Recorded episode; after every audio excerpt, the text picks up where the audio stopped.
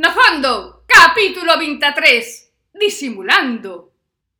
Preguntou Alicia a berros desde a porta. É a máquina esta, imos subir un par de mesas.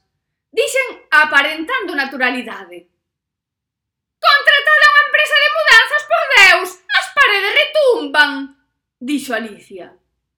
Mirei na alucinada Porque para presentarse na miña casa sen convidala Poñerse de malas con Sandra Entre e meter sé, no meu business estaba aportando demasiadas opinións. Vai ver a televisión ou desaparece.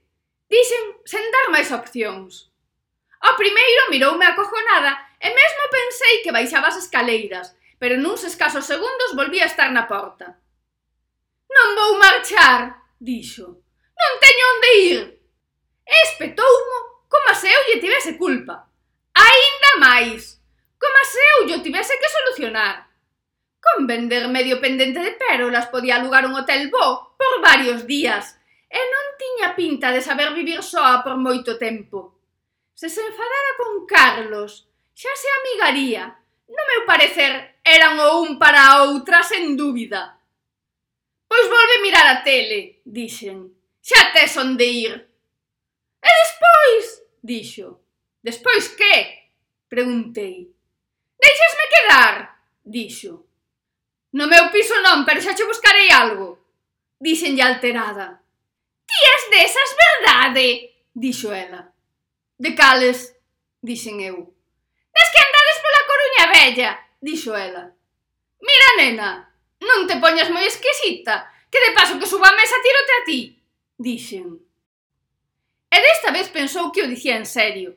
E de veras que non o dixen de malas, É o típico que lle digo a Salva ou a calquera en lugar de vai tomar polo cu, que me parece menos fino. Pero ela tomouno en serio. Non dixo máis nada e subiu onda Sandra. Era o que me faltaba, outra persoa polo medio.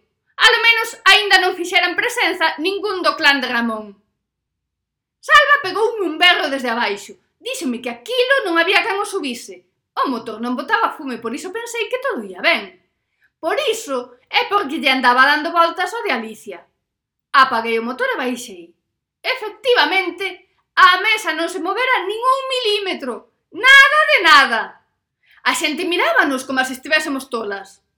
Non pensei que houbese tanta xente pola rúa. O caso é que esta circunstancia limitaba as nosas opcións. Non podíamos subir o material aos poucos, que era a única opción que nos quedaba.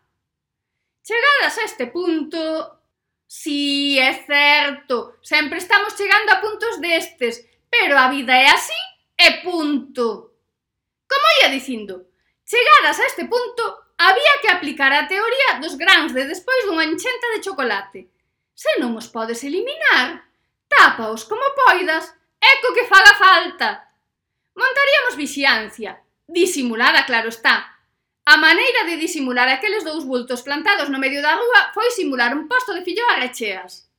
Igual vos soa moi cutre, pero en París hai nos amoreas. Iso sí, como lle chaman crepes, parecen máis finos. De calquera xeito, era o que podíamos facer contando co tempo co que contábamos e cos medios que tiñamos. Baixei a cociña portátil que tiñamos para quentar o café cando pasábamos noites enteiras na Coruña miña vella, que dicía a pija. Pode ser que o lóxico fora un termo, pero é que a salva gustaba o café de pota acabado de facer. É vos moi señorito rapaz. Eu facía sándwiches de sartén, que saían menos aplastados que os da sandwicheira. Seino, o oh gran... As mesas fixeron demostrador. Colocámolas en L. Movémolas como puidemos, poñéndoas ao borde da beira rúa. Para facer unha U, baixamos unha das mesas plegables, deixando a saída cara ao portal. Aquelas cortinas que tiña guardadas para regalarllas a Sandra cando casase, fixeron de mantel, cubriron de glamour o posto. É tanto, como que as collera no Hotel Finisterre nunha habitación de superluxo. Queda moi cutre de regalo de bodas, pero era para facer o vestido. Se escarlata puido, nós tamén podíamos. Eran granate con dourados, espectaculares, Baixamos un dos bidóns de auga, fariña, tá de cociñar que da outra nós non traballábamos. Ovos, crema de cacao, queixo de untar e xamón cocido. Era o que había. A xente mirábanos con curiosidade, coma con noxo. Os comentarios eran de desconfianza, pero en canto a sartén que enciu e as primeiras filloas foron saindo e a brisa e a fame do mediodía fixeron o seu traballo, Aquel posto improvisado convertiuse nun éxito. E o éxito trouxo a Ramón, a Paco, a Alberto, a Andrés, e non trouxo a Carlos porque tiña medo de atoparse con Alicia. E aínda que nin tolo se imaginaría que estaba na miña casa, non apareceu por ali. Ramón mirou con desconfianza o meu novo negocio. Paco mercou unha filloa. Alberto mantiña a distancia, pero tiña un sorriso malicioso. Andrés tiña a cara de desconfianza de Ramón. Que pasa? Cambias de gremio? Dixo Ramón. Terás licencia.